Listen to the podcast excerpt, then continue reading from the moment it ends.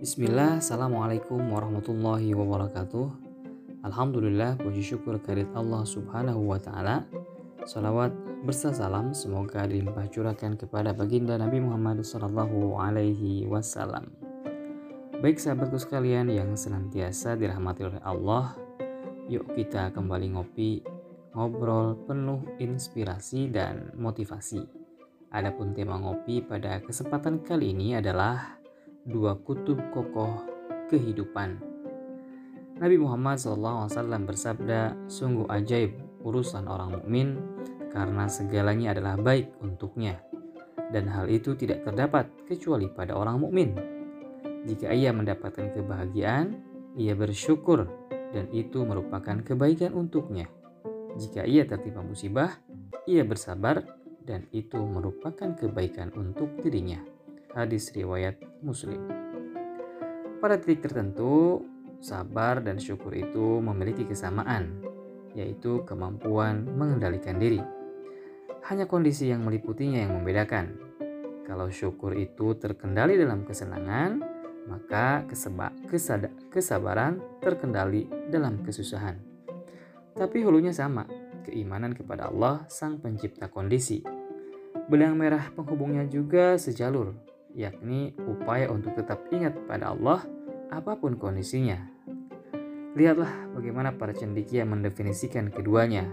Syukur adalah mengakui nikmat Allah dalam bentuk ketaatan kepadanya, sedangkan sabar adalah bertahan atas apa yang menimpa diri agar tetap taat kepadanya.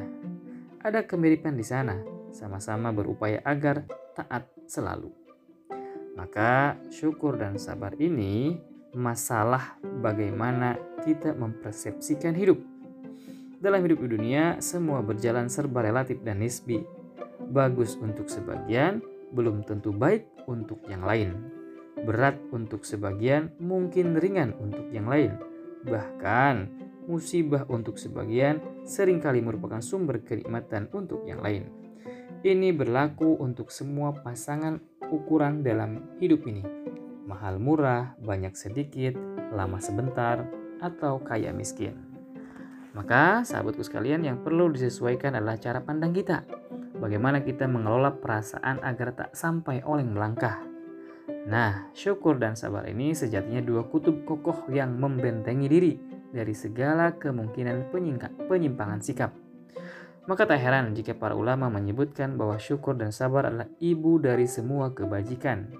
Pangkal lahirnya amal-amal salah yang lain. Perpaduan dari sifat sabar dan syukur melahirkan sifat ridho, kona'ah, kerja kelas, dan di saat yang sama terhindar dari sifat iri, dengki, dan sifat-sifat buruk lainnya. Pada roda nasib yang terus berputar, senang susah, suka duka, sedih gembira adalah niscaya Tak satu pun bisa lari menghindar. Maka syukur dikala suka dan sabar dikala duka adalah rumus standar manusia beriman. Di sinilah yang dimaksud dengan keajaiban. Sebagaimana hadis di atas, sebab semua kondisi hidup seorang mukmin adalah peluang kebaikan. Ia senang lalu bersyukur, itu kebaikan. Ia susah lalu bersabar, itu juga kebaikan. Dalam artian selalu ada peluang pahala yang ia manfaatkan. Tak ada tempat baginya untuk menutup menutupi nasib, menyesali diri, dan menyalahkan kondisi. Semua yang ia terima, ia persepsikan dengan kacamata positif. Karena itu, secara otomatis ia terhindar dari kemungkinan setan yang hendak menyelinap masuk dengan segala godaannya. Faktanya, hal itu tak mesti berjalan mudah, atau tepatnya ringan diucapkan tapi berat dilaksanakan. Memang tak mudah e, untuk masuk jalur menuju surga, tapi itu tak lantas jadi toleransi. Lihat betapa Allah menyindir dengan halus bahwa di antara manusia ada yang menyembah Allah dari pinggiran. Ada yang tahan uji di kala nikmat, tapi luruh dalam musibah. Di sisi lain, ada yang tegar dalam derita, tapi justru lena dalam suka. Yang paling buruk tentunya yang ingkar di kala suka dan munkar di kala sengsara. Wa billah. Wallahu alam demikian ngopi pada kesempatan kali ini. Insya Allah kita akan ketemu di kesempatan ngopi berikutnya. Assalamualaikum warahmatullahi wabarakatuh.